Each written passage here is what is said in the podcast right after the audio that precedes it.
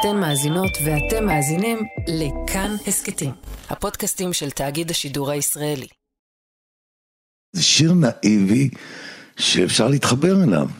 אני לפני הופעה, זה מה שאני אומר. שהעצב והשמחה מתערבבים אצלנו במדינה הזאת, וזה מה יש, וזה אחד מהסיפורים האלה.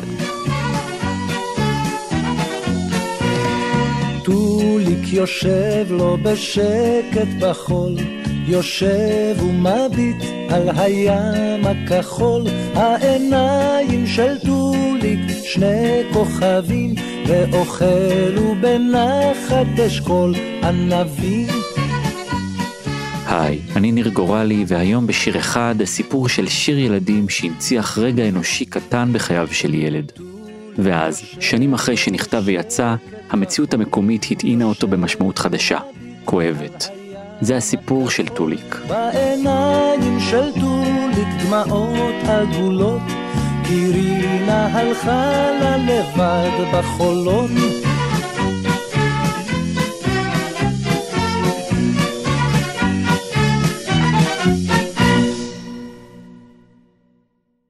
זה התחיל מאושיק. זה נפתלי אלתר, ובשנות ה-70 הגיע אליו חבר שלו אושיק לוי, וביקש ממנו לכתוב לו שיר ילדים. הציעו לו לשיר והוא בא אליי ואמר לי שיר לפסטיבל ילדים. אמרתי, נשמע טוב, נשמע אתגר מעניין. נפתלי היה אז תסריטאי, מפיק ועוזר במאי בקולנוע, וגם מלחין. בעיקר לאושיק לוי, לא הוא הלחין את הלהיט יונתן סע הביתה. נפתלי טיפוס מאוד מאוד מיוחד, מאוד סגור, מאוד צנוע. וגם אושיק ביישן. אושיק הוא בן אדם שכל כך קל להתחבר אליו. כאילו אין מסביבו בכלל התנגדויות, אין חומות, אין שום דבר. האישיות של שנינו היא די דומה מהבחינה הזאת. נפתלי שמח מההצעה וניגש למשימה, למצוא שיר ולהלחין אותו לאושיק. ואז הבת של אשתי, שרון, הייתה ילדה קטנה, ספרי ילדים הסתובבו בבית, ונכנסתי לחדר שלה והתחלתי לדפדף. את העיניים שלו תפס ספר שירים שנקרא "לא הספיקה לי היד". כתבה אותו רמה סמסונוב. ציור אחד מתוכו משך את תשומת ליבו. אני זוכר ילד שיושב על חול ים צהוב, ברקע כחול, הוא מסתכל ואנחנו עם הגב אליו, זאת אומרת אנחנו רואים את הגב שלו. ראיתי את הציור הזה והתחברתי אליו והוא נראה לי ממש מושלם. הציור היה של לידיה ברסק, לשיר קראו טוליק ורינה. ואז הסתכלתי בצד ימין והיה כתוב הטקסט שהיה גם שלם לגמרי, עצוב.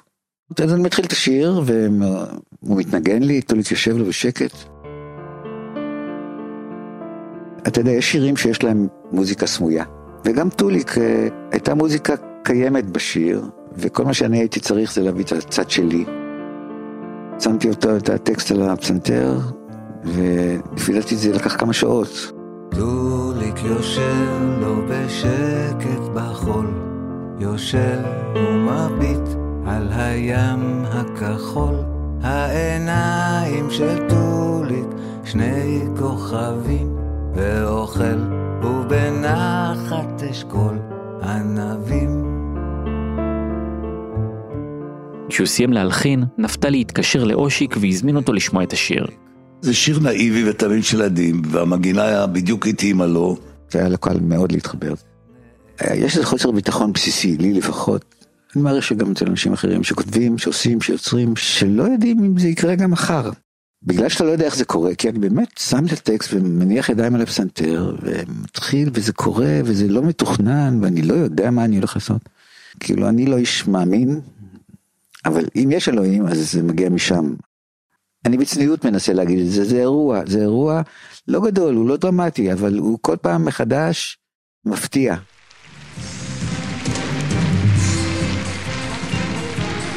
בחנוכה של 1978 נערך בבנייני האומה בירושלים פסטיבל הילדים התשיעי.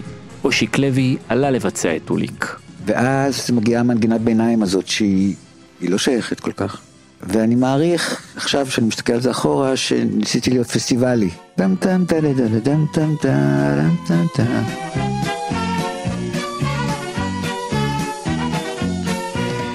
אז אני חושב שהתכוונתי שיהיה שמח גם. אבל כשנמרוח את החצוצרות אז אפשר לשמוע את השיר העצוב הזה של הילד שעיניים יפות, כחולות, מסתכלות לים, אוכל ענבים, לא נותן ענבים, נשאר לבד. העיניו כל רק לא, לא לטוליק מותר לאכול. יש לך זיכרונות מהפסטיבל עצמו? לא. הלו, עברו איזה יומיים, מה אתה רוצה שאני אזכור? זוכר אולי לאיזה מקום השיר הגיע? לא, אני לא עקבתי אף פעם אחרי הדברים האלה, ממש שלא. אז מי שזכה במקום הראשון היה ילד דיסקו של שרי. במקום השני, ברבא אבא של ציפי שביט.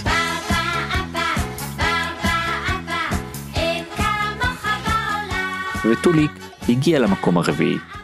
וביום שבו צילמו את הפסטיבל, ישבה בקהל כותבת השיר רמה סמסונוב. היא באה לפסטיבל, היא ראתה, מאוד אהבה את מה שעשינו ממנו, בהחלט. ואז היא סיפרה לאושיק שמאחורי השיר מסתתר סיפור אמיתי. זה היה ילד של חברים טובים שלה, והיא כתבה עליו את השיר. רמה סמסונוב הייתה זמרת. בפסטיבל הזמר הראשון ב-1960 היא הגיעה למקום השני יחד עם גדעון זינגר בשיר העלמה.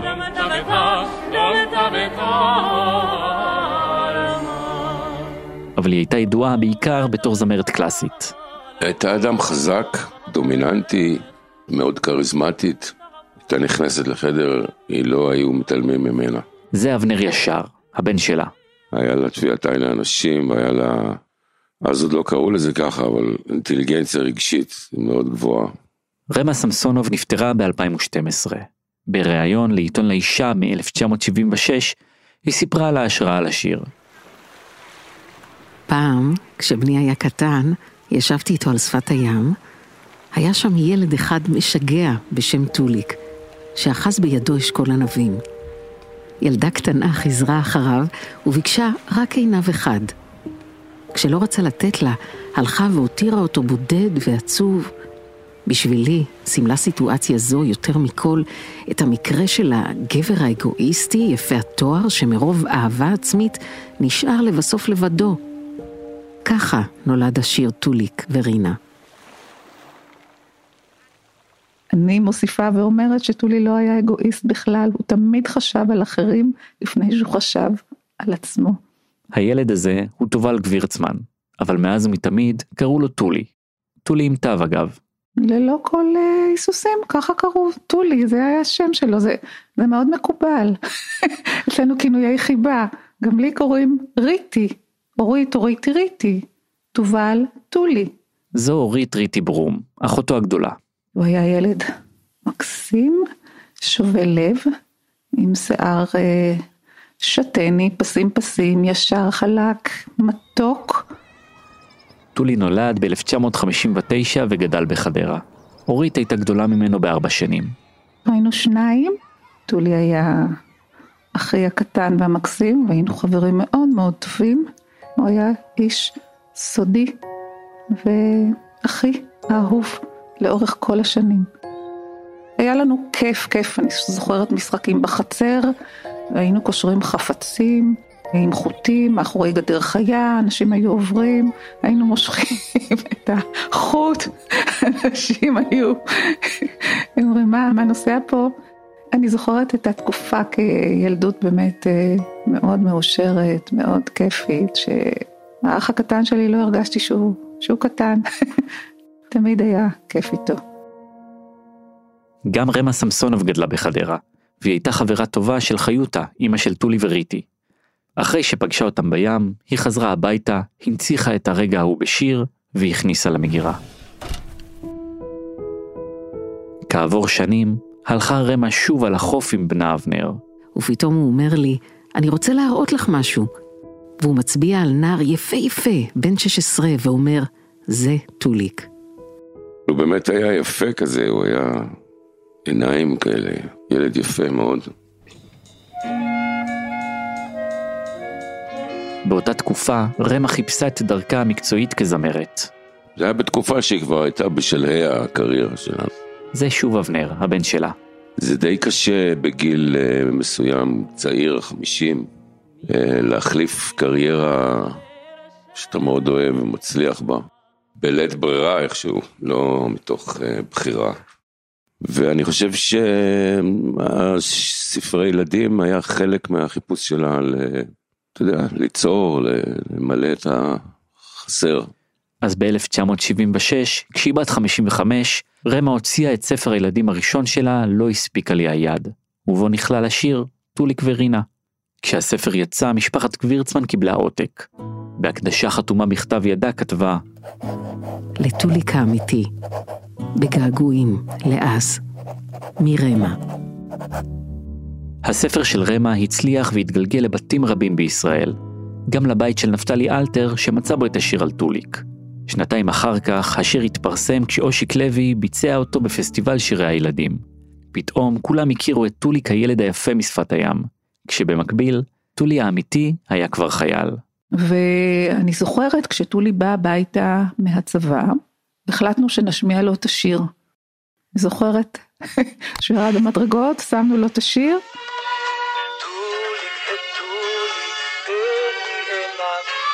והוא אמר, מה זה? מה זה השיר הזה?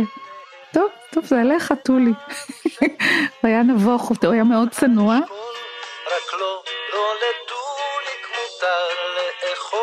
עכשיו, כשתמיד היו שואלים אותו אם השיר עליו, הוא היה אומר לא. אני ידעתי שזה הוא, גם שאלתי אותה, טולי זה עליך? אז לי הוא אמר כן, אבל עזבי, עזבי, זה לא חשוב, עזבי. יכול להיות שהוא גם לאחרים ענה כך, כי היו אנשים שבאמת לשנים לא ידעו שזה השיר עליו. זו מיכל וילדר מנדלסון, מי שהייתה בת הזוג של טולי לתקופה קצרה, ונשארה חברה קרובה שלו גם אחרי שנפרדו. והשיר הוא נכון, השיר הוא מדויק, העיניים של טולי. היו לו באמת עיניים גדולות כאלה, פתוחות, בורקות, עיניים עמוקות כאלה, והם באמת כל כך בלטו במבט שלהם, שזה לא פלא שהיא קלטה את זה בים כשהיא כתבה את זה. יום אחד, מיכל וטולי הלכו לסרט. והסרט היה נקרא מוסקבה אינה מאמינה בדמעות. זה היה סרט מאוד חזק, ויצאתי מהסרט והייתי נסערת, ודיברתי איתו על הסרט ואמרתי לו, טולי, מה, מה אתה אומר, ראית זה, וכולי בהתלהבות והתרגשות, והוא משתתף איתי, והוא מדבר איתי, כאילו הוא חולק איתי את ההתרגשות. כמה שבועות מאוחר יותר, הם ישבו עם חברים. ודיברנו, ואמרתי לו, טולי, הסרט, הוא אומר לי, אה, לא ראיתי את הסרט. אמרתי לו, מה זאת אומרת לא ראית? אתה היית איתי בסרט, חלקת איתי חוויות שיצאנו מהסרט. הוא אומר לי, כן, אני נרדמתי בסרט, אבל היית כל כך נרגשת שלא רציתי לאכזב אותך. זה, זה כל כך מתאים ל, ל, ל, לחלוק איתך, להיות איתך, להרגיש אותך, לשתף אותך, אבל לא לפגוע בך. טולי, ששירת בחיל השריון, יצא לקורס קצינים וגם חתם קבע. הוא לא סיפר בבית אה, שום דבר, הוא היה מקבל הרבה מחמאות, אבל אה, לא ידענו, לא שיתף בבית, שהפלוגה, היה בחטיבה 188, טנקים היה בפלוגה מ', זאת הייתה פלוגה מבצעית שהוכשרה להוביל את הגדוד והחטיבה כולה במלחמה. הוא לא סיפר את הדברים האלה. יום אחד, כשכבר היה קצין, הוא חזר הביתה ושם את המדים שלו בכביסה. מוצאים דברים בכיסים כמו שכל אימא עושה, מצא איזה מכתב, מכתב אה, ממפקד, הוא היה המח"ט, והוא כתב, לאחר שנתיים של עבודה משותפת שלי כמח"ט ושלך כסמ"ך מ"פ ומ"פ, רוצה אני לציין בהערכה מיוחדת את תפקודך כמ"פ מ'. הפלוגה מנוהלת על ידך בצורה מצוינת, תוך אימונים ותרגילים ברמה גבוהה. רואה אני זכות מיוחדת לך כמ"פ להימנות על חבורת הפיקוד הבכירה של החטיבה, בברכה בהערכת כבוד יוסי מלמד. כשחיותה, אימא שלהם ראתה את המכתב, היא נבהלה. תגיד לי, מה זה המכתב הזה? מה זה? מה כתוב פה? אתה לא מספר, אתה לא משתף, נתנו לך אחריות כזאת, ו... לא, אמא, אין לך מה לדאוג, הוא נתן לכולם כשהוא עזב, כך שלא ידענו בכלל מה הוא עובר, למה הוא מיועד. זה היה טולי, הוא לא רצה להדאיג אותנו. מפקד החטיבה אמר בהמשך, המ"פ היחיד שקיבל מכתב כזה ממני היה טולי. השעה 10:53, כוח שריון של צה"ל נכנס לפני כ-50 דקות ובכך החל למעשה המבצע שסיומו עדיין אינו ברור. שלושה חודשים אחרי אותו מכתב, בשישה ביוני 1982 נפתחה מלחמת שלום הגליל. טולי כבר היה צריך להשתחרר. התוכניות שלו היו ללמוד הנדסה תעשייתית ולהשתלב במפעל המשפחתי. אבל תחושת האחריות והחובה הובילו אותו לחתום לשלושה חודשים נוספים ואחרונים. זה היה במהלך המלחמה. רצינו שזהו, שזה ייגמר כבר, וטולי גם בא הביתה לחופשה. זוכרת, הוא בא הביתה, אנחנו ישבנו ואכלנו צהריים שנינו, אמא נסעה לתל אביב, וטולי אומר לי ככה, הדבר שהכי מטריד אותי, מה יהיה אם יקרה לי משהו? מה יהיה עם אמא? מאוד אוהב את חיותה. מאוד קשור אליה. מאוד דואג לה. זו שוב מיכל. והוא גם אמר לה פעם, אני אשמור עלייך, והייתה לו דאגה עצומה לחיותה. אהבה עצומה ביניהם. והייתה לו את האחריות לשמור עליה. אני נדהמתי כולי, עניתי לו, מה פתאום שיקרה לך משהו? לא יקרה לך כלום, אתה תצא מזה ואתה תחזור אלינו בריא ושלם, ותשמור על עצמך. טולי חזר למלחמה בזמן שמיכל חברתו הקרובה גרה בדירת הסטודנטים שלה בחיפה. זה היה ביולי 1982. וערב אחד אני יושבת בחדר שלי ואני לומדת, ולא היה לי טלוויזיה בחדר, רק היה טלוויזיה לשותף שלי לדירה. ופתאום אני שומעת הקול של טולי, ואני צריכה לצרוח, רביב, זה טולי, רביב, זה טולי. הוא אומר לי, בואי, בואי, הוא בטלוויזיה. טולי, איפה אנחנו נמצאים עכשיו? אנחנו נמצאים בעמדה הקדמית של אה, בעצם הצבא, לפני שדת, אה, שדה התעופה של ביירות. זה טולי, בריאיון לעיתונאי הערוץ הראשון רון בן ישי. מהי שגרת החיים שלכם כאן? בארבע השכמה, ועושים טיפול לפני תנועה בכלים, שכלי אחד כל הזמן בכוננות מיידית, ואז אנשים יושבים על הכיפה, על הצריח, מוכנים. הלחימה הייתה, אני חושב, שדי קשה. אתה נוסע בתוך כפר, ואתה לא יודע בדיוק מאיפה יצא לך RPG או מאיפה יצא לך הצלף. צור לחלון הזה וצור לחלון השני. והבעיה הנוספת היא, שאתה נוסע בשדרה, כי השבילים צרים, אז יש לך את הכלי הראשון והכלי השני שבאים לידי ביטוי במיוחד. ושאר הכוח מאחור לא כל כך בא לידי ביטוי. זאת אומרת, אתה יכול לנסוע עם כל הצבא מאחוריך. אבל לפחות המלחמה הראשונית, מי שעושה זה הכלי הראשון, שני. חודש אחר כך צלצל הטלפון בדירה שבה שהתה מיכל. וחבר אחר שלנו מחדרה אמר לי, מיכל היה היום קרב וטולי נפל. אמרתי לו, אני מכירה את הרכילויות האלה, אני מכירה את הרב סרן שמואטי הזה, אל תבלבל לי במוח, לא רוצה לשמוע. אם יהיה משהו שאני צריכה לשמוע, אני אדע. טרקתי לו את הטלפון. ואז אה, לא עברה עוד איזה רבע שעה, וצלצלו עוד פעם. הייתי אצל אימא ובאה משלחת. כן. צלצלו בדלת, בא ראש העיר, וידענו כבר שהנורא מכל קרה. ב-4 באוגוסט 1982, טולי נהרג. הוא היה בן 23. זה היה יום קרב. הם היו שם בפאתי ביירות, והייתה הפגזה של הארטילריה הסורית.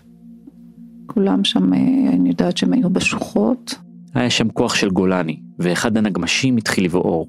וטולי רץ לטנק שלו לקחת מטף כדי לכבות את הנגמש הבוער של גולני, ואמרו לו, אל תלך, אל תלך, תישאר פה, אבל כמו שאמרתי, הוא חשב על אחרים לפני שהוא חשב על עצמו. בדרך לנגמש הייתה הפגזה נוספת.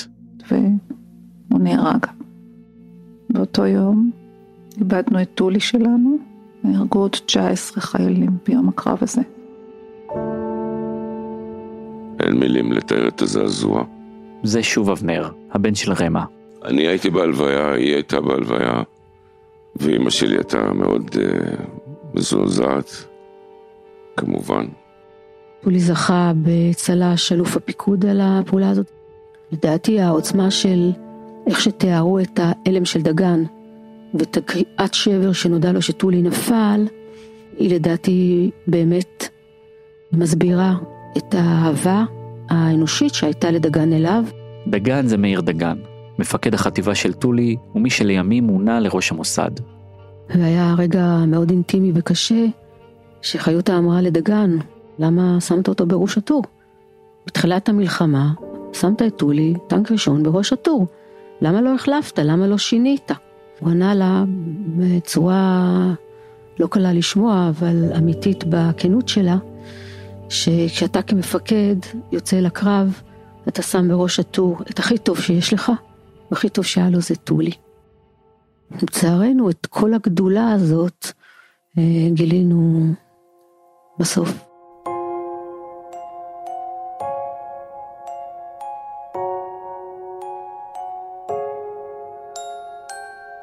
השנים עברו, והשיר טוליק המשיך להיות אהוב והושמע ברדיו. הוא ליווה את אורית ואת המשפחה שלה כמו מזכרת מהילדות. מעין סוד משפחתי. ילדים היו קטנים, והיינו בקאנטרי ברמת השרון, וראיתי את אושיק בבריכה שם. אמרתי, אני חושבת שאושיק לא יודע על מי הוא שר. בשבת אחת, אושיק ישב בבית, ופתאום דפיקה בדלת. אני פותח את הדלת, לא מכיר, לא יודע מי זה, אומרת שלום מושיק, אני רוצה להגיד לך שאני אחותו של טוליק. אמרת לה, סליחה. אמרתי, תקרא, זה טולי, שתדע על מי אתה שר. והיא מספרת את הסיפור עליו, ומאז נהיה לי טוויסט, שלפני כל הופעה, הייתי אומר, אצלנו במדינה, השמחה והאבל מתערבבים. ברגע שנגמר יום הזיכרון, דן דגדן יוצאים למסיבות יום העצמאות בערב. וזה סיפור על ילד ישראלי, מלח הארץ, קצין, שנהרג במלחמת שלום הגליל. ועדיין הוא שיר שמח, זאת אומרת, אנשים מוחאים כפיים, אז אני אומר, מישהו מכיר את השיר שיצטרף, וכולם מצטרפים.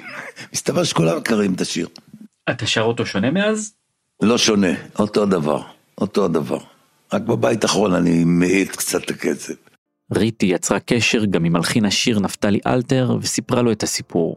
בימי עצמאות אחותו מתקשרת ואנחנו ביחד נאנחים ושמחים שיש שיר. היא אומרת שהיא שומעת את השיר אז היא מחייכת, אז אפשר לבקש יותר. בעיניים של טוליק דמעות עגולות, כי רינה הלכה לה לבד. לחולות. אז השיר הזה בעצם משיר קטן, פסטיבל ילדים שהיה אמור להיות בפסטיבל וגם די להישכח, פתאום באנרגיה שלו קיבל איזשהו סיפור, איזושהי דרמה. וזה באמת, יכול להיות שרק בארץ יכול להיות דבר כזה, שנכתב שיר ילדים וזה, ופתאום נהיה סיבוב כזה, והוא מקבל צל"ש והוא נהרג. הוא גיבור. היום מיכל, החברה של טולי, היא כבר סבתא. לפני שלושה שבועות שמרתי על הנכדה שלי בתל אביב, והיה לי איזה פסק זמן כזה, שהקחתי אותה לגן, אז הלכתי שם לאיזה בית קפה באזור, לקחתי קפה כזה בטייק אווי, והתיישבתי על ספסל כזה בשמש, ועוברת אימא עם עגלת תינוקות, מוליכה ילדה ביד וילד בתוך העגלה. ומהטלפון שלה מתנגן העיניים של טולי.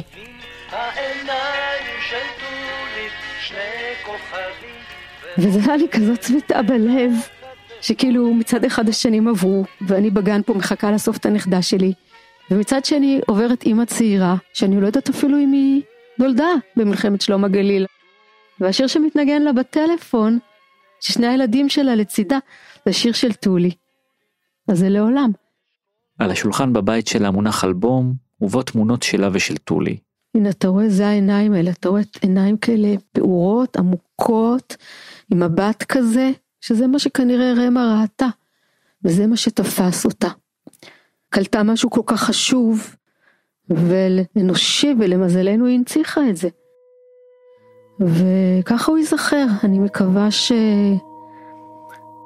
שתמיד יהיה מי שיספר שהשיר הזה יישמע ברדיו, או שהורים שרים את השיר הזה עם הילדים, הם ידעו לספר לילדים שהיה טולי כזה. וזה לא היה סתם, זה היה באמת ילד כזה חמוד, נער מדהים, קצין, אמיץ, ואהוב של כולנו, אהוב של כולנו.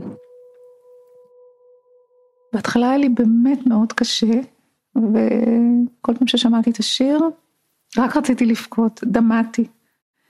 אבל עם הזמן, וככל שהשנים חלפו, אני מתחברת שוב לטולי, לילדות, לשמחה של השיר.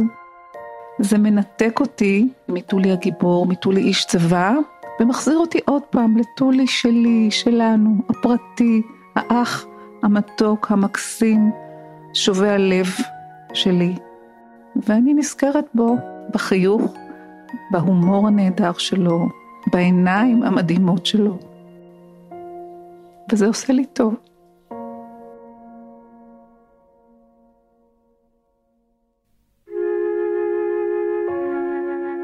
האזנתם והאזנתן לשיר אחד. ערכתי את הפרק יחד עם מאיה קוסובר. עיצוב סאונד ומיקס, אסף רפפורט. מוזיקה, מור סיוון, בצוות התוכנית תומר מולביטזון ואייל שינדלר. סייעו בהפקה מעיין בן זאב, צופיה גבאי, טל ניסן ועמרי קפלן.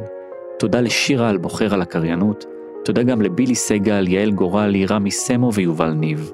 השיר טוליק שנשמע מיד, באדיבות ויזארט.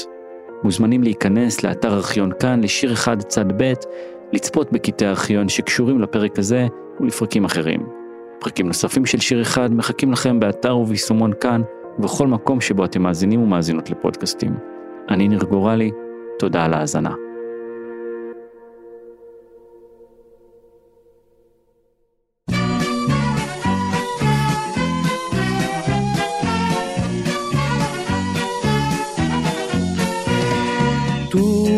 יושב לו בשקט בחול, יושב ומביט על הים הכחול, העיניים של טוליק שני כוכבים, ואוכלו בנחת אשכול ענבים, העיניים של טוליק שני כוכבים, ואוכלו בנחת אשכול ענבים. טוליק, הטוליק, תן לי עיניו, אך טוליק שותק, כמעט נעלב, העיניו הוא של טוליק, כל האשכול, רק לא, לא לטוליק מותר לאכול, העיניו הוא של טוליק, כל האשכול, רק לא, לא לטוליק מותר לאכול.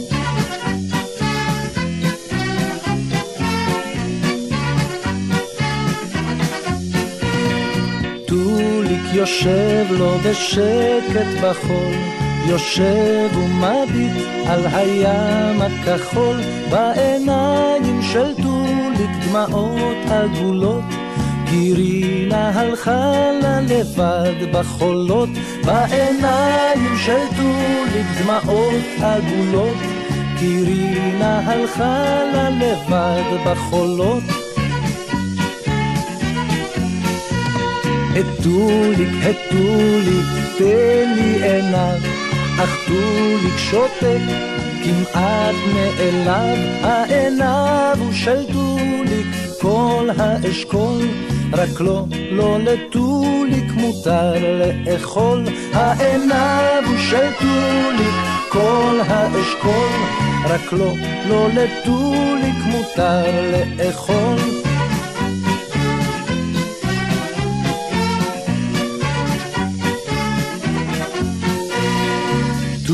טוליק יושב לו בשקט בחול, יושב ומביט על הים הכחול, העיניים של טוליק שני כוכבים, ואוכלו בנחת אשכול ענבים, העיניים של טוליק שני כוכבים, ואוכלו בנחת אשכול ענבים.